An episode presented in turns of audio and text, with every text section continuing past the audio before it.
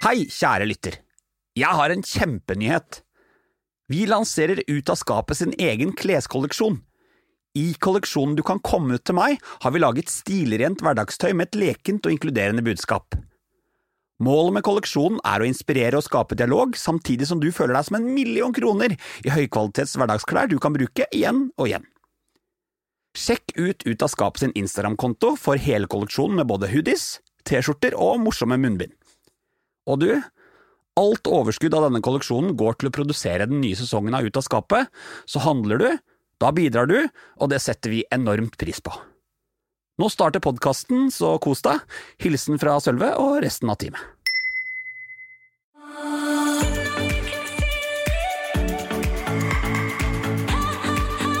Hei, tøffing!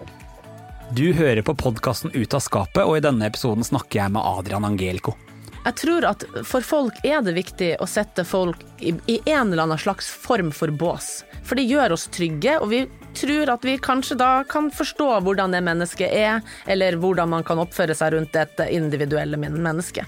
Og det gjelder alt. Det gjelder kultur, og det gjelder farge, og det gjelder liksom all, Folk er glad i å sette folk i båser, for man tror at man da har mer kontroll, gåsetegn. Adrian er verdenskjent operasanger, han er skuespiller, og han er trans. Men Adrian er ikke så glad i å bli satt i den båsen. I denne episoden snakker vi om nettopp dette. Behovet vi har for å sette andre i bås. Vi snakker om hans liv som operasanger på verdens største scener. Og, som Adrian sier, viktigheten av å være det forbildet du selv etterlyste. Kos deg med episoden. Den er en øyeåpner.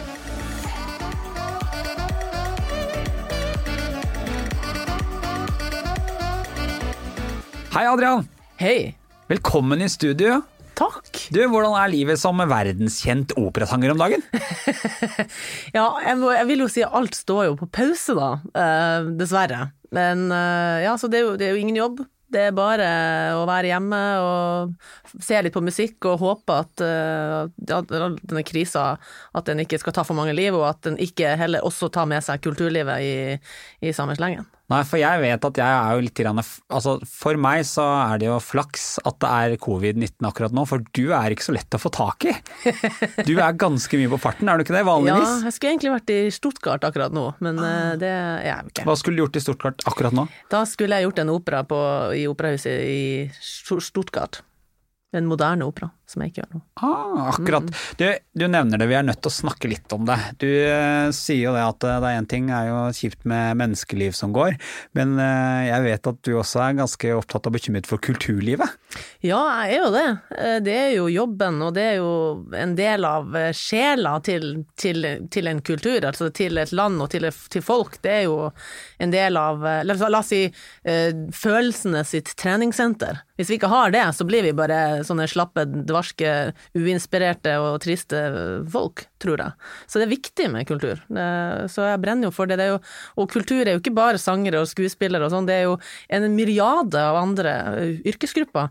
Sånn lysteknikere og lydteknikere og scenearbeidere og snekkere og tømrere og frisører og Det er jo enormt stor Altså Oslo Opera, for eksempel, det er jo en av de mest uh, arbeidsplassene med flest forskjellige yrker i.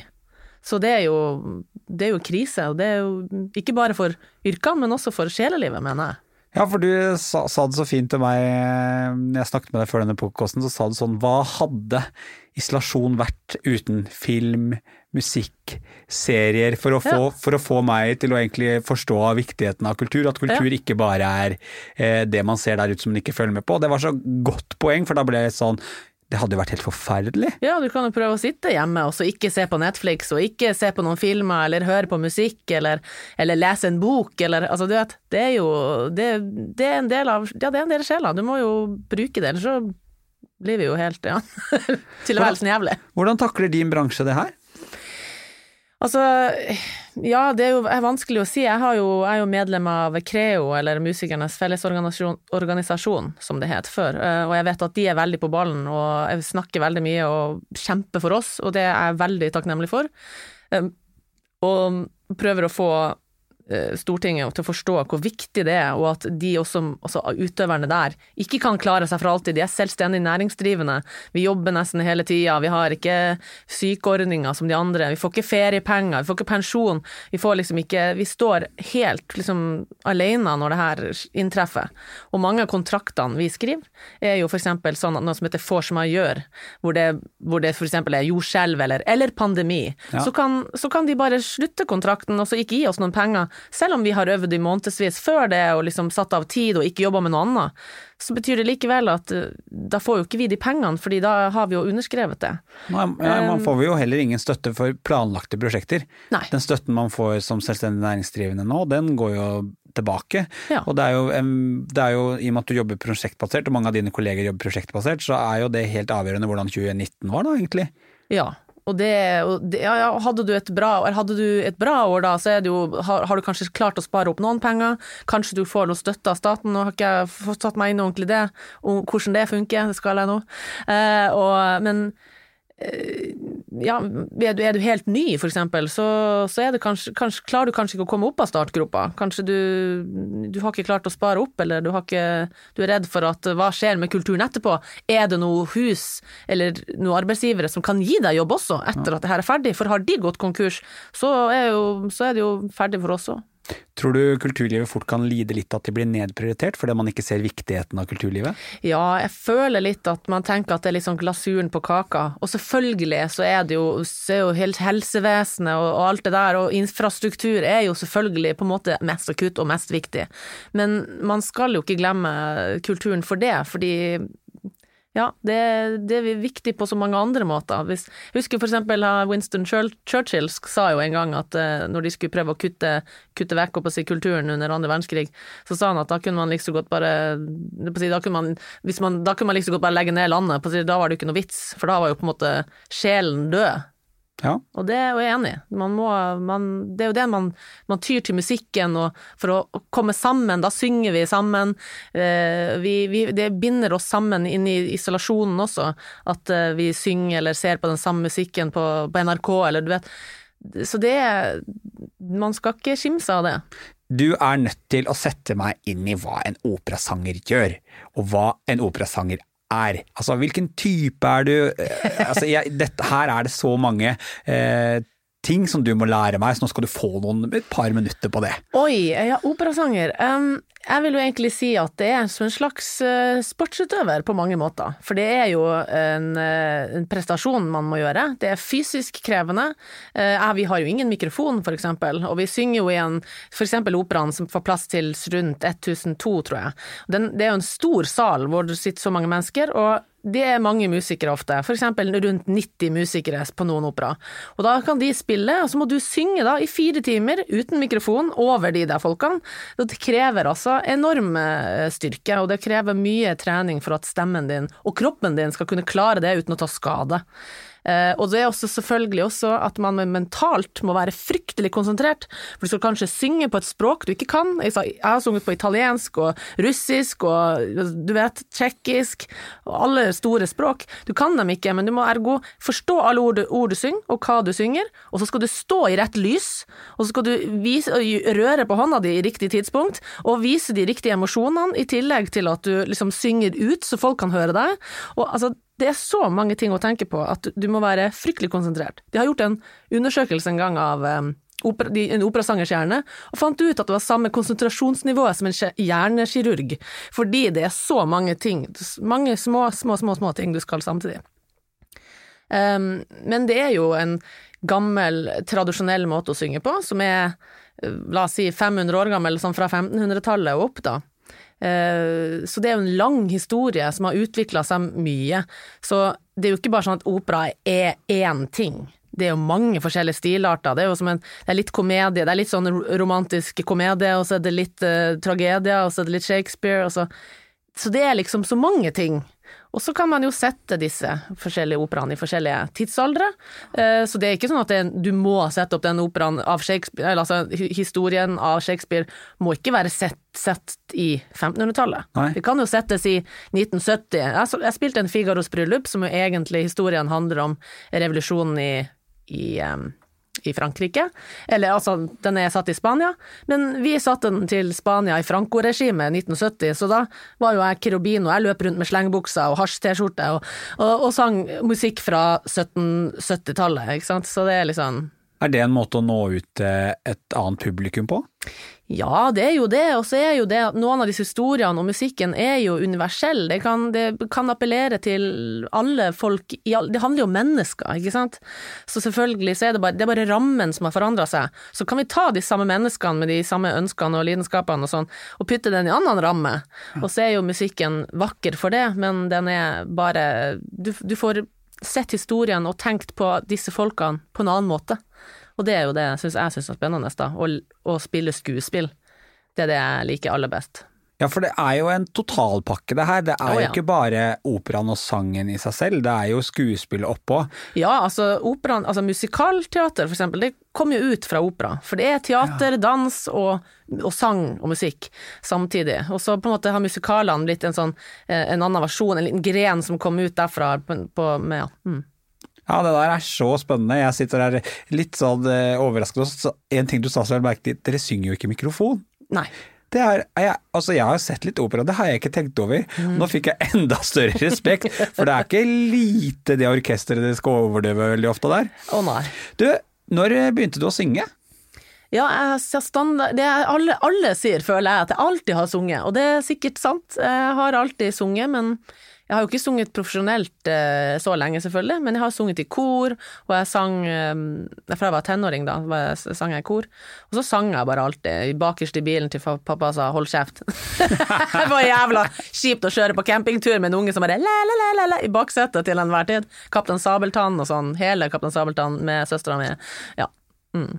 Fordi det er jo ikke Altså, én ting er jo å synge, men du har jo valgt en retning som ikke nødvendigvis er vanlig sang. Når du fant ut at du skulle bli operasanger? Ja, du For det, det, er jo litt spesielt. Det er jo ikke alle som kan gjøre det. Nei, nei det er jo ikke det. Eh, det var jo på en måte Jeg begynte jo med Jeg sang i ABBA coverband, og jeg sang sånn eh, mye rare ting.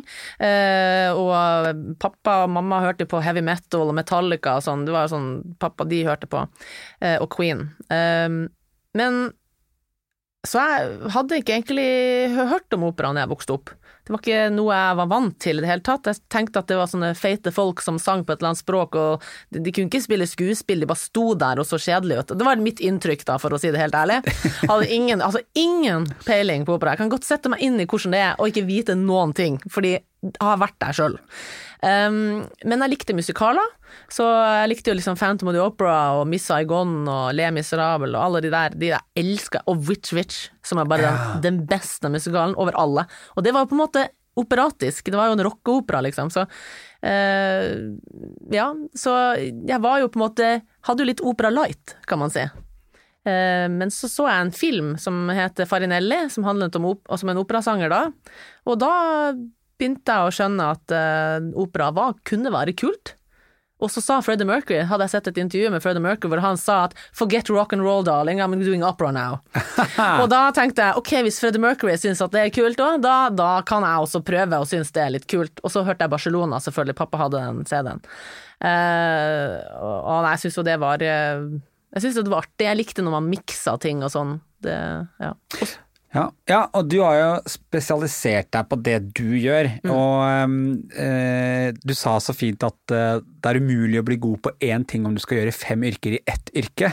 Og det, og det synes jeg var så fint, for det er jo litt sånn jeg opplever i den bransjen jeg jobber i, at vi gjør litt av alt for å klare å få dette her til å gå rundt. Mm. Og da tenker jeg sånn, er operamiljøet i Norge for lite til at du kunne levd av bare det, siden du reiser så mye? Ja, det er jo ikke nok steder til at operasangere kan Altså, man kan leve av som å være operasanger bare her. Uh, vi har ett stort operahus som er i Oslo, og så har vi noen andre, men de har ikke mange produksjoner i året. De har kanskje én, eller kanskje to, ikke sant. Og det er jo ikke nok sangere, særlig ikke hvis det, det kommer sangere utenfra også, som kommer fra andre land. Da, da, blir det jo, da kan jo ikke alle som er norske, eller som er, bor i Norge, leve av å være operasanger. Det går ikke an. Vi må ut hvis mm. vi skulle hatt en karriere og, og leve av. Det er bare det. Jeg er jo litt glad i at du deler ut litt selvskryt. Ta Fortell lytterne hvor god du egentlig er. Nei! Gjør det. Hva du mener med selvskryt? så nå tvinger jeg på litt, fordi at Å, jeg har gjort litt research, og du er jo ikke en hvem som helst. Hva er, hva er dine største øyeblikk? Er det noe du kan se tilbake på som du tenker at dette her var et karrierehøydepunkt så langt? Å gud, vet du, det er faktisk et ganske vanskelig spørsmål. Eh, fordi at eh, et høydepunkt sånn scenisk og hva det ga sjelen min, kan være noe helt annet enn hva jeg mener. For eksempel, det var jo kjempestort å stå på Covent Garden og synge. Jeg skulle faktisk sunget med pa Nei, Pavarotti. Så gammel var jeg ikke! Jeg skulle faktisk synge med Domingo. Domingo Ah. skulle synge den forestillingen, men så ble søsteren hans veldig syk og måtte avlyse. Så ja, det var jo et kjempeøyeblikk å synge på hovedscenen i Covent Garden, som er en av de største operahusene i verden. Um, og, men jeg kan få like stor sånn personlig glede av å synge på et operahus liksom i, i Nordfjord i, i, i Norge, for eksempel. Eh, eller mitt største øyeblikk som skuespiller, og hvor jeg følte at kjemien var så bra og produksjonen var bra, var for eksempel Den fjerde nattevakt av Gisle Kverndok, som er en norsk komponist, oh. og som gikk på operaen i, i 2012. Eh, og da spilte jeg Gunhild Finne, det var faktisk en, en av de få kvinnerollene jeg har spilt. Eh, men det var, en, det var noe av det største jeg har gjort. Jeg vet ikke hvorfor. Det var bare noe magisk med det, for eksempel. Men jeg er jo kjempeglad og takknemlig for å synge på sånne veldig anerkjente scener, og at jeg får lov til å synge med de utrolig flinke folkene, og jobbe med regissører som er verdenskjente, og, og, og, og lære av alle folkene. Det er jo selvfølgelig det er jo sånn en stor ære man av og til nesten ikke skjønner. Altså, man, man kommer dit, og så bare møter man disse folkene, og så skjønner man ikke hva slags imposter jeg sjøl er. Hvordan klarte jeg å lure meg inn her, blant disse forferdelig flinke folkene? Hva jeg har liksom gjort for å liksom lure Du vet, sånn imposter syndrome, det kan jeg ofte få, da. Um, Ja, det er jo noe skit, men det, dukker, det dukker jo opp det nå da. Det dukker jo opp, altså Jo større ting du gjør, jo oftere dukker det opp, tenker jeg ja, da. shit. Ja, det. Det er sånn. Til dere som lytter på, i episodeinformasjonen til denne eh, episoden så ligger det noen linker som du kan trykke deg inn på, så kan du få høre hva vi snakker om, for det syns jeg er viktig å dele. Du, nå er du i podkasten Ut av skapet. Yep. Og nå har vi tatt den fine praten om eh, litt opera og jobb og disse tingene der. Ehm, Jeg fikk deg anbefalt denne podkasten av Per. Per Sundnes. Per Sundnes. Han eh, slang ditt navn på bordet før jeg rakk å puste. og var veldig opptatt av at eh, Adrian, han skal inn i denne poden. Og så begynte jeg å gjøre litt research, og da dukket det opp mye. Mye, eh, mye spennende, mye jobb. Men eh, når var første gangen du Kan du huske tilbake på en periode i livet ditt hvor du kjente på en litt sånn annerledeshet? Jeg syns faktisk alltid jeg har kjent på en annerledeshet. Um, men jeg tror ikke jeg visste hva den annerledesheten var. Bare at jeg liksom var annerledes, på sett og vis. Kanskje alle har den følelsen, det kan ikke jeg snakke om, for jeg har ikke vært i alle, men jeg følte i hvert fall sjøl at det var, det var alltid no, noe som var annerledes. Fordi så nå heter jo du Adrian Angelico, Mm. og jeg vet at den andre delen av navnet ditt, det er, eh, det er som en litt sånn hyllest til det du var tidligere. Ja. Fortell litt om det. Ja, hvordan kan man skal fortelle om det? um, ja, jeg, jeg valgte jo, jeg ville beholde jeg ville beholde navnet som jeg hadde. Altså, jeg het, jeg het Angelica før, og jeg, jeg bruker ikke det navnet nå, men eh, jeg ville på en måte ta det med meg videre. Og derfor, når jeg ga meg sjøl Adrian, og på en måte døpte meg sjøl, så, eh, så, så bevarte jeg det en annen del av meg, ved å bruke Angelico istedenfor. Og så vil jeg ha, bruke det helt Altså, jeg heter jo Voie, altså det heter jeg jo enda, men altså, det er jo etternavnet mitt. Men kunstnernavnet mitt er jo Adrian Angelico. Mm. Og um, Men jeg vil jo på en måte beholde en del av meg uansett, ved å liksom putte den inn som et eh, etternavn. For hvis jeg skal gjøre det som jeg vet at du ikke er så veldig glad i, å putte i bås, så benevnes du ofte som en transmann. Ja. Um, hvorfor er det ikke så viktig for deg å Altså, du, er, du har vært veldig tydelig på at dette med å bli putta i bås er ikke så viktig for deg. Hva, hvorfor er ikke det viktig? Ja, altså, det er jo Det er både viktig og ikke viktig i det hele tatt. Det, det er selvfølgelig viktig, for man, man kan jo ikke si at jeg ikke syns det er viktig siden jeg sier å, jeg er transmann, eller jeg, jeg sier jo ikke det, men jeg sier jeg er mann. Og da vil jeg jo bli satt i en bås, på sett og vis.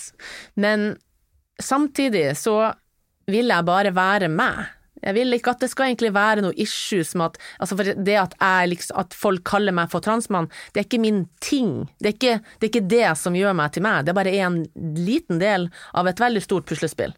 Um, og sånn syns jeg det er med alle ting rundt det, altså om hvordan jeg skal oppføre meg, eller at jeg, jeg, jeg føler at mange kommer kanskje til meg og sier at nå må du oppføre deg sånn og sånn, fordi nå er du mann, nå må, får du ikke klemme, nå, nå må du se sånn og sånn ut, nå, du, nå skal du ikke vise så mye følelser, sånn. Jeg bare Screw that. Det driter jeg i. Jeg, er veldig feminin. Jeg vet at jeg er feminin. Jeg tar ikke testosteron. Jeg velger å ikke ta testosteron fordi, for det første, så, så, øh, så, påvirker det stemmen, noe som gjør at da kunne ikke jeg jobbe med det. Og, st og stemmen min, den lyse sangstemmen min, som er ganske kraftig og veldig utholdende, er en del av min identitet også. Uh, og jeg vil ikke miste den, og få en annen stemme som jeg ikke kjenner. Vi er ikke venner ennå, og jeg vet ikke Det ville vært for seint for meg å begynne å synge på nytt, eksempel. Ja, jeg, så jeg satt og leste og prøvde å lese meg opp her, og en av overskriftene jeg fant, sånn, eller en av subtitlene, var sånn eh, Heterofil eh, kvinne betevnes nå som homofil mann. Og så ble jeg litt sånn, jeg leste så tenkte jeg åh, her har vi media ute og rocker igjen. For det at jeg er jo nå blitt litt kjent på deg og forstår at altså, du har jo alltid vært en homofil mann. Ja, egentlig. Ja. Hele veien. Ja. Altså, jeg bare Hvem er det du tror Hvorfor tror du det er så viktig at alle som leser og hører trenger å finne båser? Fordi, tror jeg, igjen, det her er bare min egen personlige mening, jeg tror at for folk er det viktig å sette folk i en eller annen slags form for bås. For det gjør oss trygge, og vi tror at vi kanskje da kan forstå hvordan det mennesket er, eller hvordan man kan oppføre seg rundt et individuelle menneske. Og det gjelder alt. Det gjelder kultur, og det gjelder farge, og det gjelder liksom, all, Folk er glad i å sette folk i båser, for man tror at man da har mer kontroll, gåsetegn. Uh, men ja, altså, jeg regner med at det er derfor de, folk gjør det. Altså, det, det, det, bare er sånn vi er, vi er, lagd. For å få rydde i boksen i hodet, egentlig? Ja, for å vite sånn cirka hvordan vi skal oppføre oss, og cirka hva vi kan forvente, og hvordan vi skal eh, snakke til folk. Men altså sånn, hvordan opplever en ung gutt at den ytre delen av kroppen ikke nødvendigvis eh, matcher den indre? Ja, det er det evige spørsmålet. Det er sikkert um, Ja, hva skal jeg si til det? Hva du mener du? En gang til. Nei, men altså, eh, vi snakket litt om dette her, og vi kom inn på pubertet. Mm. Eh, og så eh, På innsiden så følte du jo gutt, og på utsiden så opplevde du at du kunne se ut som jente. Altså, Hva gjør det med hodet til en som er i, midt i, i hormoner og pubertet og full pakke? Det må jo ha vært sånn ja, det var sånn en blanding mellom Hvis jeg skal liksom gjøre litt nyanser i det her, så var det selvfølgelig en blanding mellom av og til ikke, det var ikke bra, det var ikke deilig for meg, det var forvirrende. Ikke visste jeg hva det var heller. Altså, jeg skjønte ikke helt hva det var som skurra der inne alltid. Um, og det ble liksom bare verre og verre jo mer folk begynte å putte meg inn i jentebåsen. Nå, må, nå skal du være sånn og sånn, og du ser sånn og sånn ut. Um, og jeg prøvde jo hardt å, å, passe inn i den båsen, jeg jobba veldig mye med det. Uh, så det at jeg liksom ikke passer inn i båsen, det er jo en, en lang reise jeg har gjort, fordi av og til jeg trodde jo sjøl at jeg at jeg aldri var i noen bokser, men selvfølgelig var jeg det, og jeg prøvde å passe inn, for man vil passe inn i, i, i samfunnet. Um, men andre ganger så var det helt uproblematisk, for jeg var jo egentlig en veldig feminin, uh, liten, tynn gutt uh, som måtte bruke bukseseler for buksene bare falt rett av. Uh, altså, men ja, og jeg spilte fotball, og jeg, og jeg leker med, Lego og Barbie, og, og prin, var prinsesse, og jeg, var liksom, jeg gjorde bare alt. Det var liksom helt likegyldig. Og så store deler av barndommen min var egentlig ganske grei, fordi at jeg fikk lov å gjøre disse tingene, og at jeg Så jeg hadde, ikke, jeg hadde det ikke fælt hele tida. Det var liksom en blanding mellom å av og til ha det vanskelig uten å skjønne hva det var, og av og til helt greit, fordi jeg fikk bare gjøre hva jeg ville og var en unge som sprang rundt. Det ble ver litt verre når man ble tenåring, selvfølgelig. Så absolutt. Opplevde du at de rundt deg hadde utfordringer med dette? Uh, Ikke egentlig. Altså, jeg husker at altså, jeg vokste opp hos pappaen min, og, og, og mammaen min var også også Mamma kjørte motorsykkel, og hun drev med masse sånne ting som mange syns liksom er maskuline ting. Og pappa, han, eh, han pleier å skryte av at han bare 'Å, du har stemmen min etter meg', fordi når jeg var i guttekor, så sang jeg lyst'. og han hører på Queen og The Who og masse sånne lyse mannestemmer. Nei, altså, ingen av dem har sagt no, no, noe til at jeg gjorde altså, Jeg oppførte meg sånn eller sånn. Jeg var jo både feminin og maskulin uten at de blanda seg noe inn i det. Det var ikke noe som at de kjefta på meg for det. Du har jo, og du sa du innledningsvis her også, vært veldig opptatt av at altså, du er jo avhengig av å beholde stemme, du, det, er en, det, er en, stor del av identiteten din.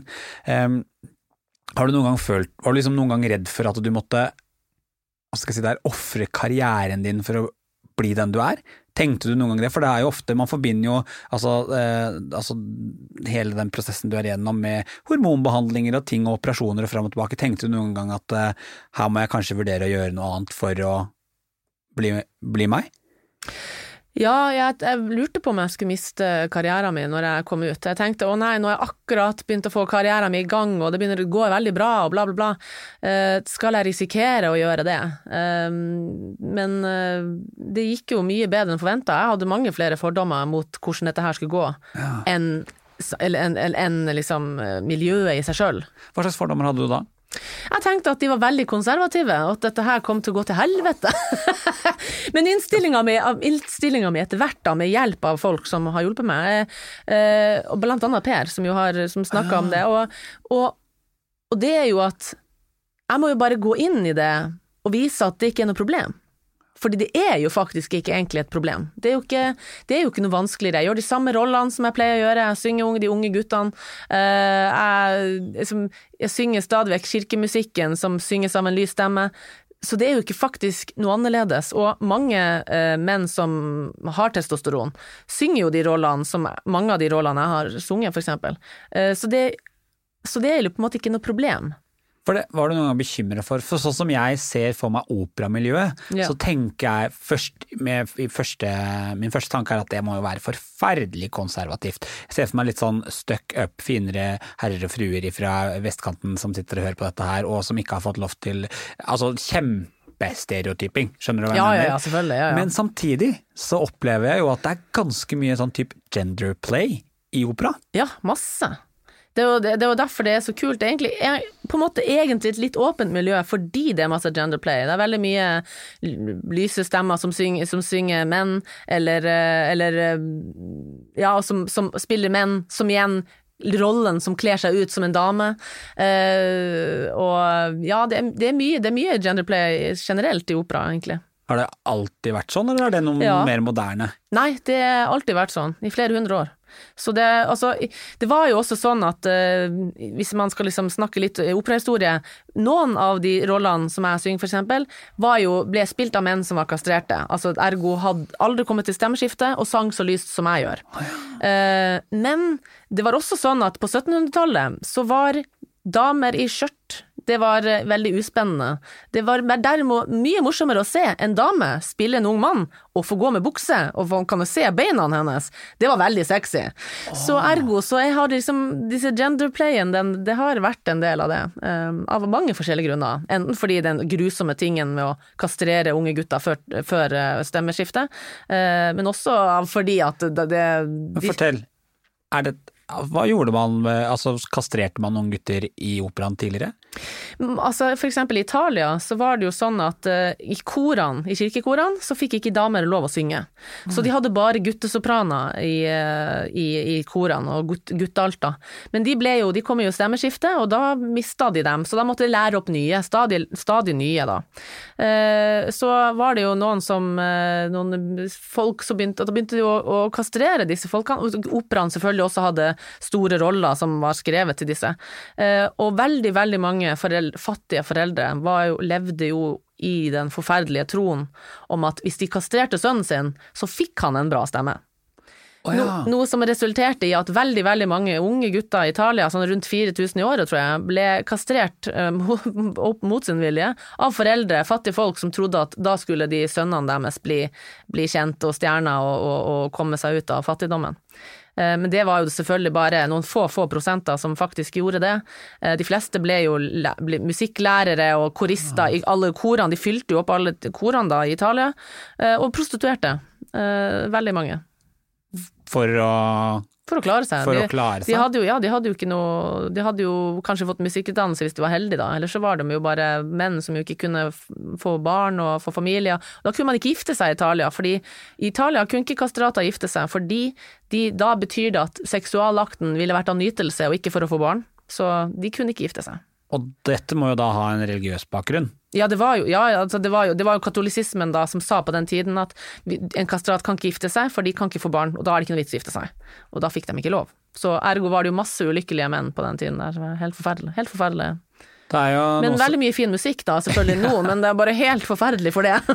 Men det er jo veldig spennende å vite litt om det som ligger bak den musikken som man hører på. Og det er jo noe som sier meg at denne operahistorien, den er ganske tøff.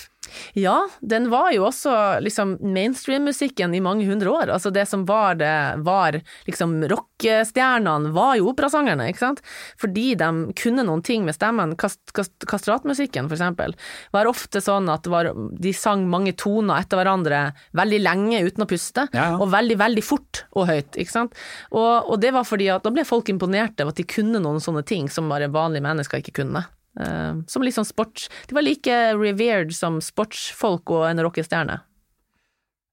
Jeg vet at eh, jeg har lest litt, og dette her eh, kan være et sikkert litt sånn mainstream spørsmål, men jeg er litt spent på hvordan var det for deg å liksom stå på scenen første gang med et mannlig uttrykk etter du hadde gjort For det var vel i 2017? Mm. Du, eh, hvordan var det å stå på scenen første gang med mannlig uttrykk? Ja, um, det var jo ikke egentlig forskjellig. Jeg spilte, det var i Bodø, faktisk, i Stormen. Da sang jeg i Ariadne av Fnaksås, og så spilte jeg en rolle som het Komponisten. Komponisten som liksom hadde skrevet dette stykket, da. Det var det. Um, uh, og han er jo en mann, han er ung mann, uh, og det eneste som var forskjell for meg, var at jeg visste at ute i salen så satt folk med programmet Mm. hvor det sto mitt navn, og at det sto 'han har', ikke 'hun har'. For eksempel i biografien, da. Eh, Så det var jo stort, og det sto jo også mitt nye navn på plakaten, og, så det var jo veldig stort og frigjørende for meg, og jeg var også, jeg hadde jo garderobe med, med herrene, eh, og, så, så det var jo en stor ting. Men samtidig så var det egentlig ganske vanlig samtidig, for jeg hadde jo spilt mange av disse rollene før. Men det var jo noe å vite at publikum satt med biografien og, og, og, Og riktig informasjon? med riktig informasjon for første gang. Det var stort. Det var kjempestort. Var du noen gang redd for å bli møtt med Altså, ble du noen gang møtt uh, uten forståelse? Var det noen som ikke møtte deg på dette her? Var du redd for å noen gang få noen form for eh, Hva skal jeg si uh, Bli mobbet på noen måte?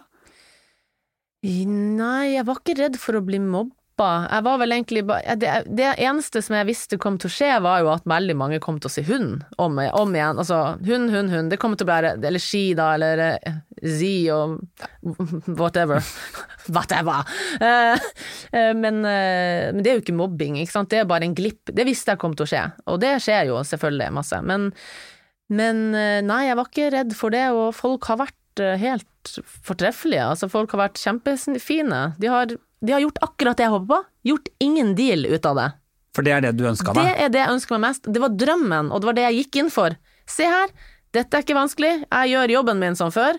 Dette har bare fått nytt navn og nytt pronomen. That's it. Jeg kan synge like bra som jeg har gjort før, og jeg skal ikke drive og arrestere folk til høyre og venstre. Jeg skal ikke gå ut etter Altså, jeg jeg vil bare jobbe og være, og være så komfortabel som jeg nå kan, og, og ha det så godt som jeg kan, og ja. Har du forståelse for at folk kan eh, titulere deg med feil pronomen? Ja, jeg har forståelse for det, selvfølgelig. Altså, jeg, jeg, jeg sier jo ikke at jeg liker det. Inni sjelen, Nei, nei, nei. inni sjela blir jeg ikke glad, men jeg skjønner det kan skje. Man må øh, Folk som jo ikke kjenner meg, for eksempel, og, eller, eller, altså folk som kjenner meg har jo også gjort det, selvfølgelig, Mm. men for det er en gammel vane for noen, for eksempel. Eller folk som ikke kjenner meg, som hører min lyse stemme nå, for eksempel i denne podkasten. Så tenker de ja, ah, men det er jo en dame fordi eh, hun snakker så lyst.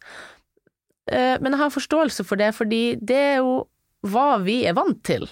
Vi er vant til at en mann er cirka sånn, og en kvinne er cirka sånn. Det er noen, det er noen punkter som vi syns gjør at vi kan assume, jeg husker ikke det norske ordet på det, eh, forvente at du tror at du vet hvem du snakker med. Men det, det er ikke alltid tilfellet. Det er ikke alltid man kan se på coveret av boka, og så er det, er den, du vet hvordan den boka er. Og det er jo litt sånn med folk òg, så jeg, jeg blir ikke sur hvis folk, i Italia er i butikken og sier 'madama', og så tenker jeg ja ja. Det var jeg madama i dag, da. Men så i, i, i Texas, så plutselig 'yes sir, please come to the counter'. Så, så det er jo Det er liksom 50-50. så jeg kan jo ikke bli sur at fremmede mennesker ser på meg og tenker 'det er sikkert en dame, så nå skal jeg si madam'. For jeg tenker at også, sånn fra mitt ståsted, og det kan jeg egentlig si innledningsvis til podkasten også, så var jo det noe jeg var kjempebekymra for. Altså, så, herlighet, jeg, jeg er så redd for å drite meg ut, jeg er så redd for å si noe feil. fordi at, eh, Og jeg vet ikke om man kanskje har bygd opp en sånn frykt om at det ikke finnes noen forståelse, men det gjør jo det. Og dette blir jo det samme som at, eh, som at jeg også har forståelse for at ikke alle, eh, alle er like åpne for at jeg er homofil, sånn som jeg er. Så kan man jo også møte man på forståelse på mange andre måter også. Så jeg bare jeg synes det var så godt av deg å si det, det senker skulderen litt. Ja. Jeg tenker at det er mange der som For det, nå er det jo det å, det å møte transpersoner, det er vanligere og vanligere. Eh, og, og, og det gjør Og har kanskje gjort det mye mer enn du vet. Mest sannsynlig, eh, mest sannsynlig, og det er mye mer eh, Om det ikke er vanligere, så er det i hvert fall mer synlig, og da tror jeg det er viktig at folk vet at du, vi forstår. Det er bedre at du prater med meg. Ja, ikke sant. Jeg, jeg tenker jo litt at jeg skjønner at noen folk som har det sånn som meg, eller sånn som ligner, er kan bli lei av og til fordi de føler at de må forstå alle andre hele tiden. Altså, ja, det, nå, dette er bare en gjetting, jeg vet ikke om det er sånn folk har det, men jeg, jeg kan sjøl føle av og til at man tenker sånn, hvorfor skal man alltid forstå det sjøl, fordi det er du som lever i det, det er du som hører hun eller hans feil hele tiden, og så må du gi dem den, du må gi dem den tilliten. Og det, det vil man, og det skal man. Men det er kanskje noen som blir lei av å føle at de har gjemt seg lenge, for eksempel, og så skal de endelig få være seg sjøl, og så må de fortsatt forstå alle de andre rundt seg. Eh, Jeg vet ikke om det er sånn, men det, er kanskje derfor noen kan bli defensive òg. Altså det, jeg kan jo forstå dem. Um, men jeg personlig prøver å prøve å, å tenke at jeg kan også gjøre feil. Det er helt lov å gjøre feil, så lenge man prøver å gjøre det rett. Da burde man ha forståelse. Så lenge man skjønner at en person glipper, og så prøver å rette på seg, så, så syns jeg ikke det er noen grunn til for meg ikke å bli Jeg blir aldri sur av det. Har du opplevd at noen prøver å øh, gjøre dette med overlegg, og sette deg tilbake? Ja, eh, men ikke så veldig ofte personlig. Jeg har jo liksom sett eh, et, int- et, Når jeg gjorde et sånt portrettintervju for Aftenposten, så var jeg så jævla idiot. Veldig idiot for nå ble, ble folk sure. Veldig, ja, pip. Eh, veldig Var det noen som var på en tråd Jeg var så dum at jeg gikk og så på den tråden under. Det skulle jeg ikke ha gjort. Jeg skrev jo ingenting, og jeg, jeg browset bare kort gjennom. Jeg, var, jeg leste ikke alle, for å si det sånn. Men der så jeg jo noen som jeg aldri har møtt, som ikke har møtt meg heller, som var veldig nøye med å si sånn Ja, jeg skal i hvert fall ikke si Angelica, hun skal være operasanger, hun kommer aldri til å være noen mann. Angelica, og så brukte han navnet mitt hele tiden. Den, mitt gamle navn. Hersketeknikk. Ja, mitt Ja. gamle navn. eh, og, og, og så tenker jeg, men du skal jo aldri snakke med meg, din lille knottnisse. Så Der beit du i deg noen ja, ord. Yes. det var helt riktig. Jeg sensurerte meg litt til ja, mm. Men i hvert fall, jeg tenkte Men det er, jo, det er jo veldig viktig for folk, selv om de aldri har møtt deg, om at de skal sette sånne personer på plass og si at for meg er du i hvert fall ikke noe, noe mann. Eh, men hva er en Ja, selvfølgelig, nå kan man gå en sånn Hva er en mann? Ikke Ja, men hva er en mann, da? Ja, vet du hva, du, det er veldig vanskelig. Eh, Og jeg tenker sånn at vi er folk. Og så er det, vi er jo sjeler som er rundt omkring i noen, vi er noen bevisstheter som, i, som er inni kroppa. Av og til så samsvarer det, og av og til så samsvarer det ikke. Det er sånn jeg ser på det. Jeg er ikke noen ekspert, men det er sånn jeg føler min opplevelse. Um, så nei, det Men jeg har, ikke, jeg har ikke hørt så mange gjøre det med vilje, som jeg vet om. Men kjenner, eh, kjenner du at det gjør vondt? Når du leser altså Kommentarfelt er noe drit. Ja, det La oss være helt ærlige. ja. Kommentarfelt og sosiale medier det er noe drit. Mm. Eh, og det er jo et sted hvor eh, veldig mange ikke er klar over at eh, det de sier eh, også treffer, og er synlig for veldig mange andre. Mm. Hva gjør det med deg når du leser dritt? Jeg har heldigvis ikke lest så mye dritt. Den eneste gangen jeg har sett noen ting, takk og lov, eh, er jo egentlig det. Fordi at jeg bare var dum og gikk på Aftenposten sin Facebook-side og så oi, der var artikkelen med meg, oi, der var noen tråder, oi, ups, der har jeg lest noen ting jeg ikke ville, men ja ja. Eh, ja, det er jo, det er jo kjipt. Jeg tenker, jeg blir alltid så fascinert generelt av folk som må skrive, ytre seg om noen, eller noen ting, særlig personer da, på nettet, og, og være skikkelig negative. Og så tenker jeg sånn, hvorfor, hvorfor, hvorfor, hvorfor gidder du det?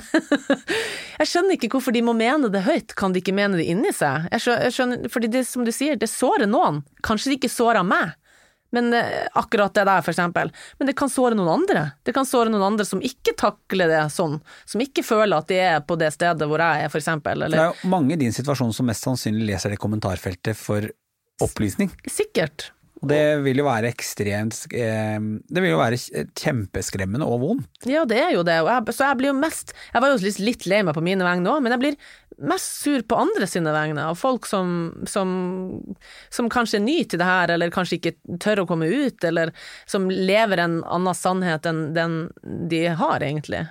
Det gjør meg Da blir jeg litt sånn sur og tenker det var jævla unødvendig. Det var veldig unødvendig. Veldig unødvendig. Og, og du trenger ikke å pynte deg i podkasten her. Prøv å moderere meg litt. Det var veldig unødvendig å, å, å, å si det. Hva, hva fikk han ut av det? enn å bevise at han her er min mening, og skal jeg fortelle hvordan verden er. Tror du at eh, mange, disse kommentarfeltrytterne hadde turt å si dette face to face? Jeg føler så vet mange, jeg tror, jeg tror mange ikke ville det. Jeg tror det er, Kanskje jeg har møtt mange som egentlig mener noen ting, eh, og som eh, møter meg, og så, og så kanskje de tenker at ja, men det var jo bare Ja ja, kanskje jeg syns at det var en dame, egentlig, men Egentlig er Adrian egentlig ganske grei, okay. så det får bare være så rar, da. Jeg vet ikke, kanskje? Jeg har ikke møtt noen, men jeg mistenker at mange av dem kanskje ville, hvis de hadde fått møte noen folk, uansett hva de nå mente på internett, så ville de finne ut at verden ikke var så sort-hvitt som de kanskje gikk og trodde, og hadde lyst til at den skulle være. Det er for lett å mene på internett? Ja, det er rett og slett altfor lett å pøse ut. Jeg har lyst, til, å ha en liten prat om dette her med maskulinitet og femininitet. Det ja. syns jeg er veldig spennende. Og ehm, du har jo omfavnet veldig det ehm, som vi sa, dette med at du er feminin, du har en lysere stemme.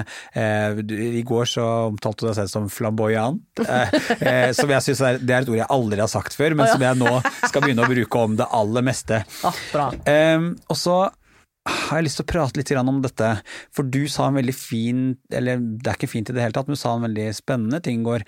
Du sa det at mange transpersoner opplever kanskje at de er nederst på eh, hierarkiet i homse, eller i det skeive miljøet. Og hva, hva tenker du, hva mener du med det? Altså, det, igjen, det er bare min mening, jeg vet ikke om det er tilfellet, men jeg har en sånn følelse av det. Jeg sitter med en følelse av at det er en slags usagt hierarki, i, ofte, i, i, i, dette miljøet, som er jo så fint. Uh, og det er at det på en måte er sånn Fem, altså det er maskuline homser, og så er det liksom feminine homser, så kommer liksom transpersoner under der igjen. Mm. Igjen, dette her er ikke en offisiell liste akkurat, og det er ikke noe som Det er bare en følelse jeg sitter med av og til, at man er på en måte At man har rangert det her på et eller annet plan, fordi noen mener at det å være maskulin på en eller annen måte er bedre enn å være feminin, uansett hvilken form det er. Så for eksempel jeg som liksom transmann da, vil på en måte nesten være ønske å bli bedre fordi jeg liksom var jente, og så vil jeg liksom være gutt, så ergo så vil jeg bli noe bedre, så det er på en måte en bra ting. Det er på en måte noe jeg skal få klapp på hodet for. Uh, mens, mens, en transkvinne kanskje, kanskje altså igjen, det vet ikke jeg om er sant, men kanskje opplever at samfunnet generelt, da mener jeg ikke miljøet, altså, men samfunnet generelt mener at du var jo mann, du var jo noe bra, liksom, og så vil du være dame. Så eh, da vil du bli noe dårligere enn du er, og det må på en måte straffes. Igjen, vet ikke om det er tilfellet, men det føler jeg virkelig av og til, at det, det er noe i samfunnet generelt som er bygga sånn. Du er ikke den første podkasten her som sier akkurat det her. Altså dette, sånn at du kan stå godt i at dette kanskje ikke bare er din mening. Men hvorfor er det så viktig for eh, Hvorfor er det så viktig for oss, for mange av oss skeive eh, gutter, at vi jakter det maskuline? Hva er det vi er ute etter der? Altså, no, Jeg tenker at det er jo fordi man har blitt opplært og har lært fra litt tidlig alder overalt man er, at det å være maskulin og være mann, det er en bra ting. Og det innebærer et, noen visse kvaliteter og noen visse egenskaper og interesser. Jeg mener jo helt seriøst at interesser ikke bestemmer skjønnet ditt, så jeg kan ikke si 'Å, jeg lekte med He-Man', ah, men jeg var veldig guttete'. Nei, det var ikke det jeg mente med at jeg var guttete. Men jeg tenker at det er derfor at man har blitt slått, man har blitt mobba, man har, blitt, man har stukket seg ut. Hvis man har hatt noen feminine sider, og man er redd for å vise at man har vært homofil, for eksempel, fordi det homofile har blitt liksom satt i kontakt, eh, sammen, altså, sammenheng med å være feminin, ikke sant, som mann. Og, og da tror jeg at man har vært veldig opptatt av å Da blir det un underbevisst ønske, kanskje, kanskje da, om å, å tilpasse seg det og være litt sånn som Være noe flott. Og ikke være ja, det som noe som er mindre verdt, som andre folk ser ned på. Hva er eh, gode egenskaper for deg, da? Hva er, hva er viktig for deg å Altså, siden du, eh, du sier det jo selv at du kan jo ikke Du kommer aldri til å bli den eh, mest mannete mannen med den mørkeste stemmen og alle de tingene der. Hva, hva slags andre egenskaper er Hva slags egenskaper er viktig for deg i en mann? Ja, igjen, det er jo så folk, ikke sant. Eh, altså, hva, hva jeg ville sett, hva jeg ville likt i en mann som ikke var meg sjøl. Eller deg sjøl? ja, jo, eller meg sjøl. Eh, jeg tenker at integritet og omsorg for andre, og respekt for seg selv, um, å være Tørre å være alle sidene av seg sjøl, fordi alle skjønn er en regnbue av følelser og behov. Så en mann er ikke bare sterk og, og modig og, og utholdende, bla, bla, bla. Han, kan, han er også sårbar, og han er også Han er glad, og han er flau, og han er, han er alle ting. Jeg syns at en, det, det flotte i et menneske, også en mann, er når han tør og våger og kan være alle delene av seg sjøl. Er det viktig at en mann er sårbar? Ja, hvis han er sårbar. Men eh, han skal jo ikke være sårbar for å bare være det. Hvis han er helt stoisk og slettes ikke noe sårbar, han er bare skikkelig stoisk og lar seg ikke påvirke så mye, og så, så er det vel sånn han er. Da er han hele seg sjøl. Så jeg mener ikke at alle må gå på død og liv og prøve å finne ting som ikke er der, eller skape noen ting. Jeg mener bare at alle folk må våge, eller prøve å få lov til å være hele seg sjøl, og det har det ikke vært. Man, mannfolk har man lagt lokk på dem lang tid. Man liksom skal være sterk og ikke gråte og alltid ha kontroll, og de, de skaper frustrerte, redde, redde mennesker. Sinte mennesker også, tror jeg. Det er jo ingen tvil om, og dette vet vi jo, at eh, det står ikke så veldig godt til med veldig mange menns mentale helse. Ja, Og mye av dette her kommer jo fra akkurat dette her eh, Jeg har i hvert fall begynt å tenke på det at den her eh, oppdikta standarden om at vi ikke- skal be om hjelp og vi aldri skal si hvordan vi har det og vi skal være den tøffe og den staute. Så nei, det der er så, det er så ja, det er veldig spennende. Det er jo en lang og egen prat, eh, akkurat det, det der. Det kunne man faktisk hatt en egen prat om. Jeg er helt enig. Eh, du, jeg pleier alltid sånn avslutningsvis i denne podkasten her eh, å spørre de som er med om du har et råd du vil gi til lytterne som de kan ta med seg inn i en litt mer sånn inkluderende og forståelsesfull verden. Er det noe fra den praten her i dag som du kan pakke sammen til et godt råd til de som hører på? Oi. Um, det må være å elske seg, prøve å, klare, prøve å elske seg sjøl. respektere seg sjøl, ikke ta drit.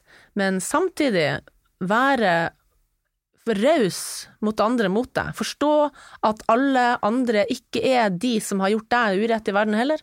Det er, de er nye folk.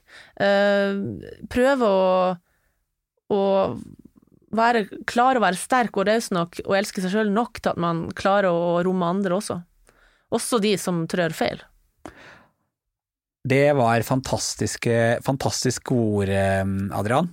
Jeg vil bare få lov til å takke deg for at du hadde lyst til å være en del av Ut av skapet-podkasten. Tusen takk for at jeg fikk komme. Det skulle bare mangle, og jeg syns det er eh, ja, det er fantastisk gøy å høre på deg snakke.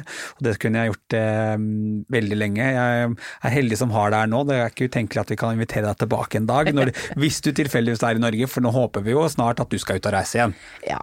Jeg skal kanskje reise i oktober, så det er en stund til, men Savner du å reise? Ja, men jeg liker faktisk også Jeg er en sånn hjemmegris òg. Jeg liker faktisk å være hjemme hos vennene mine og kunne dra til Nord-Norge eller noe sånt. Så, Med ny terrasse? Ja, med. Har du fått bruke den? ja, nei, ja, én gang. Jeg har spist lunsj der én gang. Det var veldig herlig. Jeg vil bare si at på torsdag er det meldt eh, 24 varmegrader. Da skal jeg sitte der og is, ise. Spise is. Fantastisk. Takk for i dag. Takk sjøl. Takk for at du hører på podkasten Ut av skapet. Det betyr mye for mange. Informasjon om dagens gjest finner du i episodebeskrivelsen. Sjekk alltid ut fine folk på sosiale medier. Denne podkasten er helt avhengig av deg, så er du glad i Ut av skapet, del om du lytter, og rate oss gjerne der du kan rate podkast. Jeg gleder meg skikkelig til nye skeive historier neste uke. Vi høres!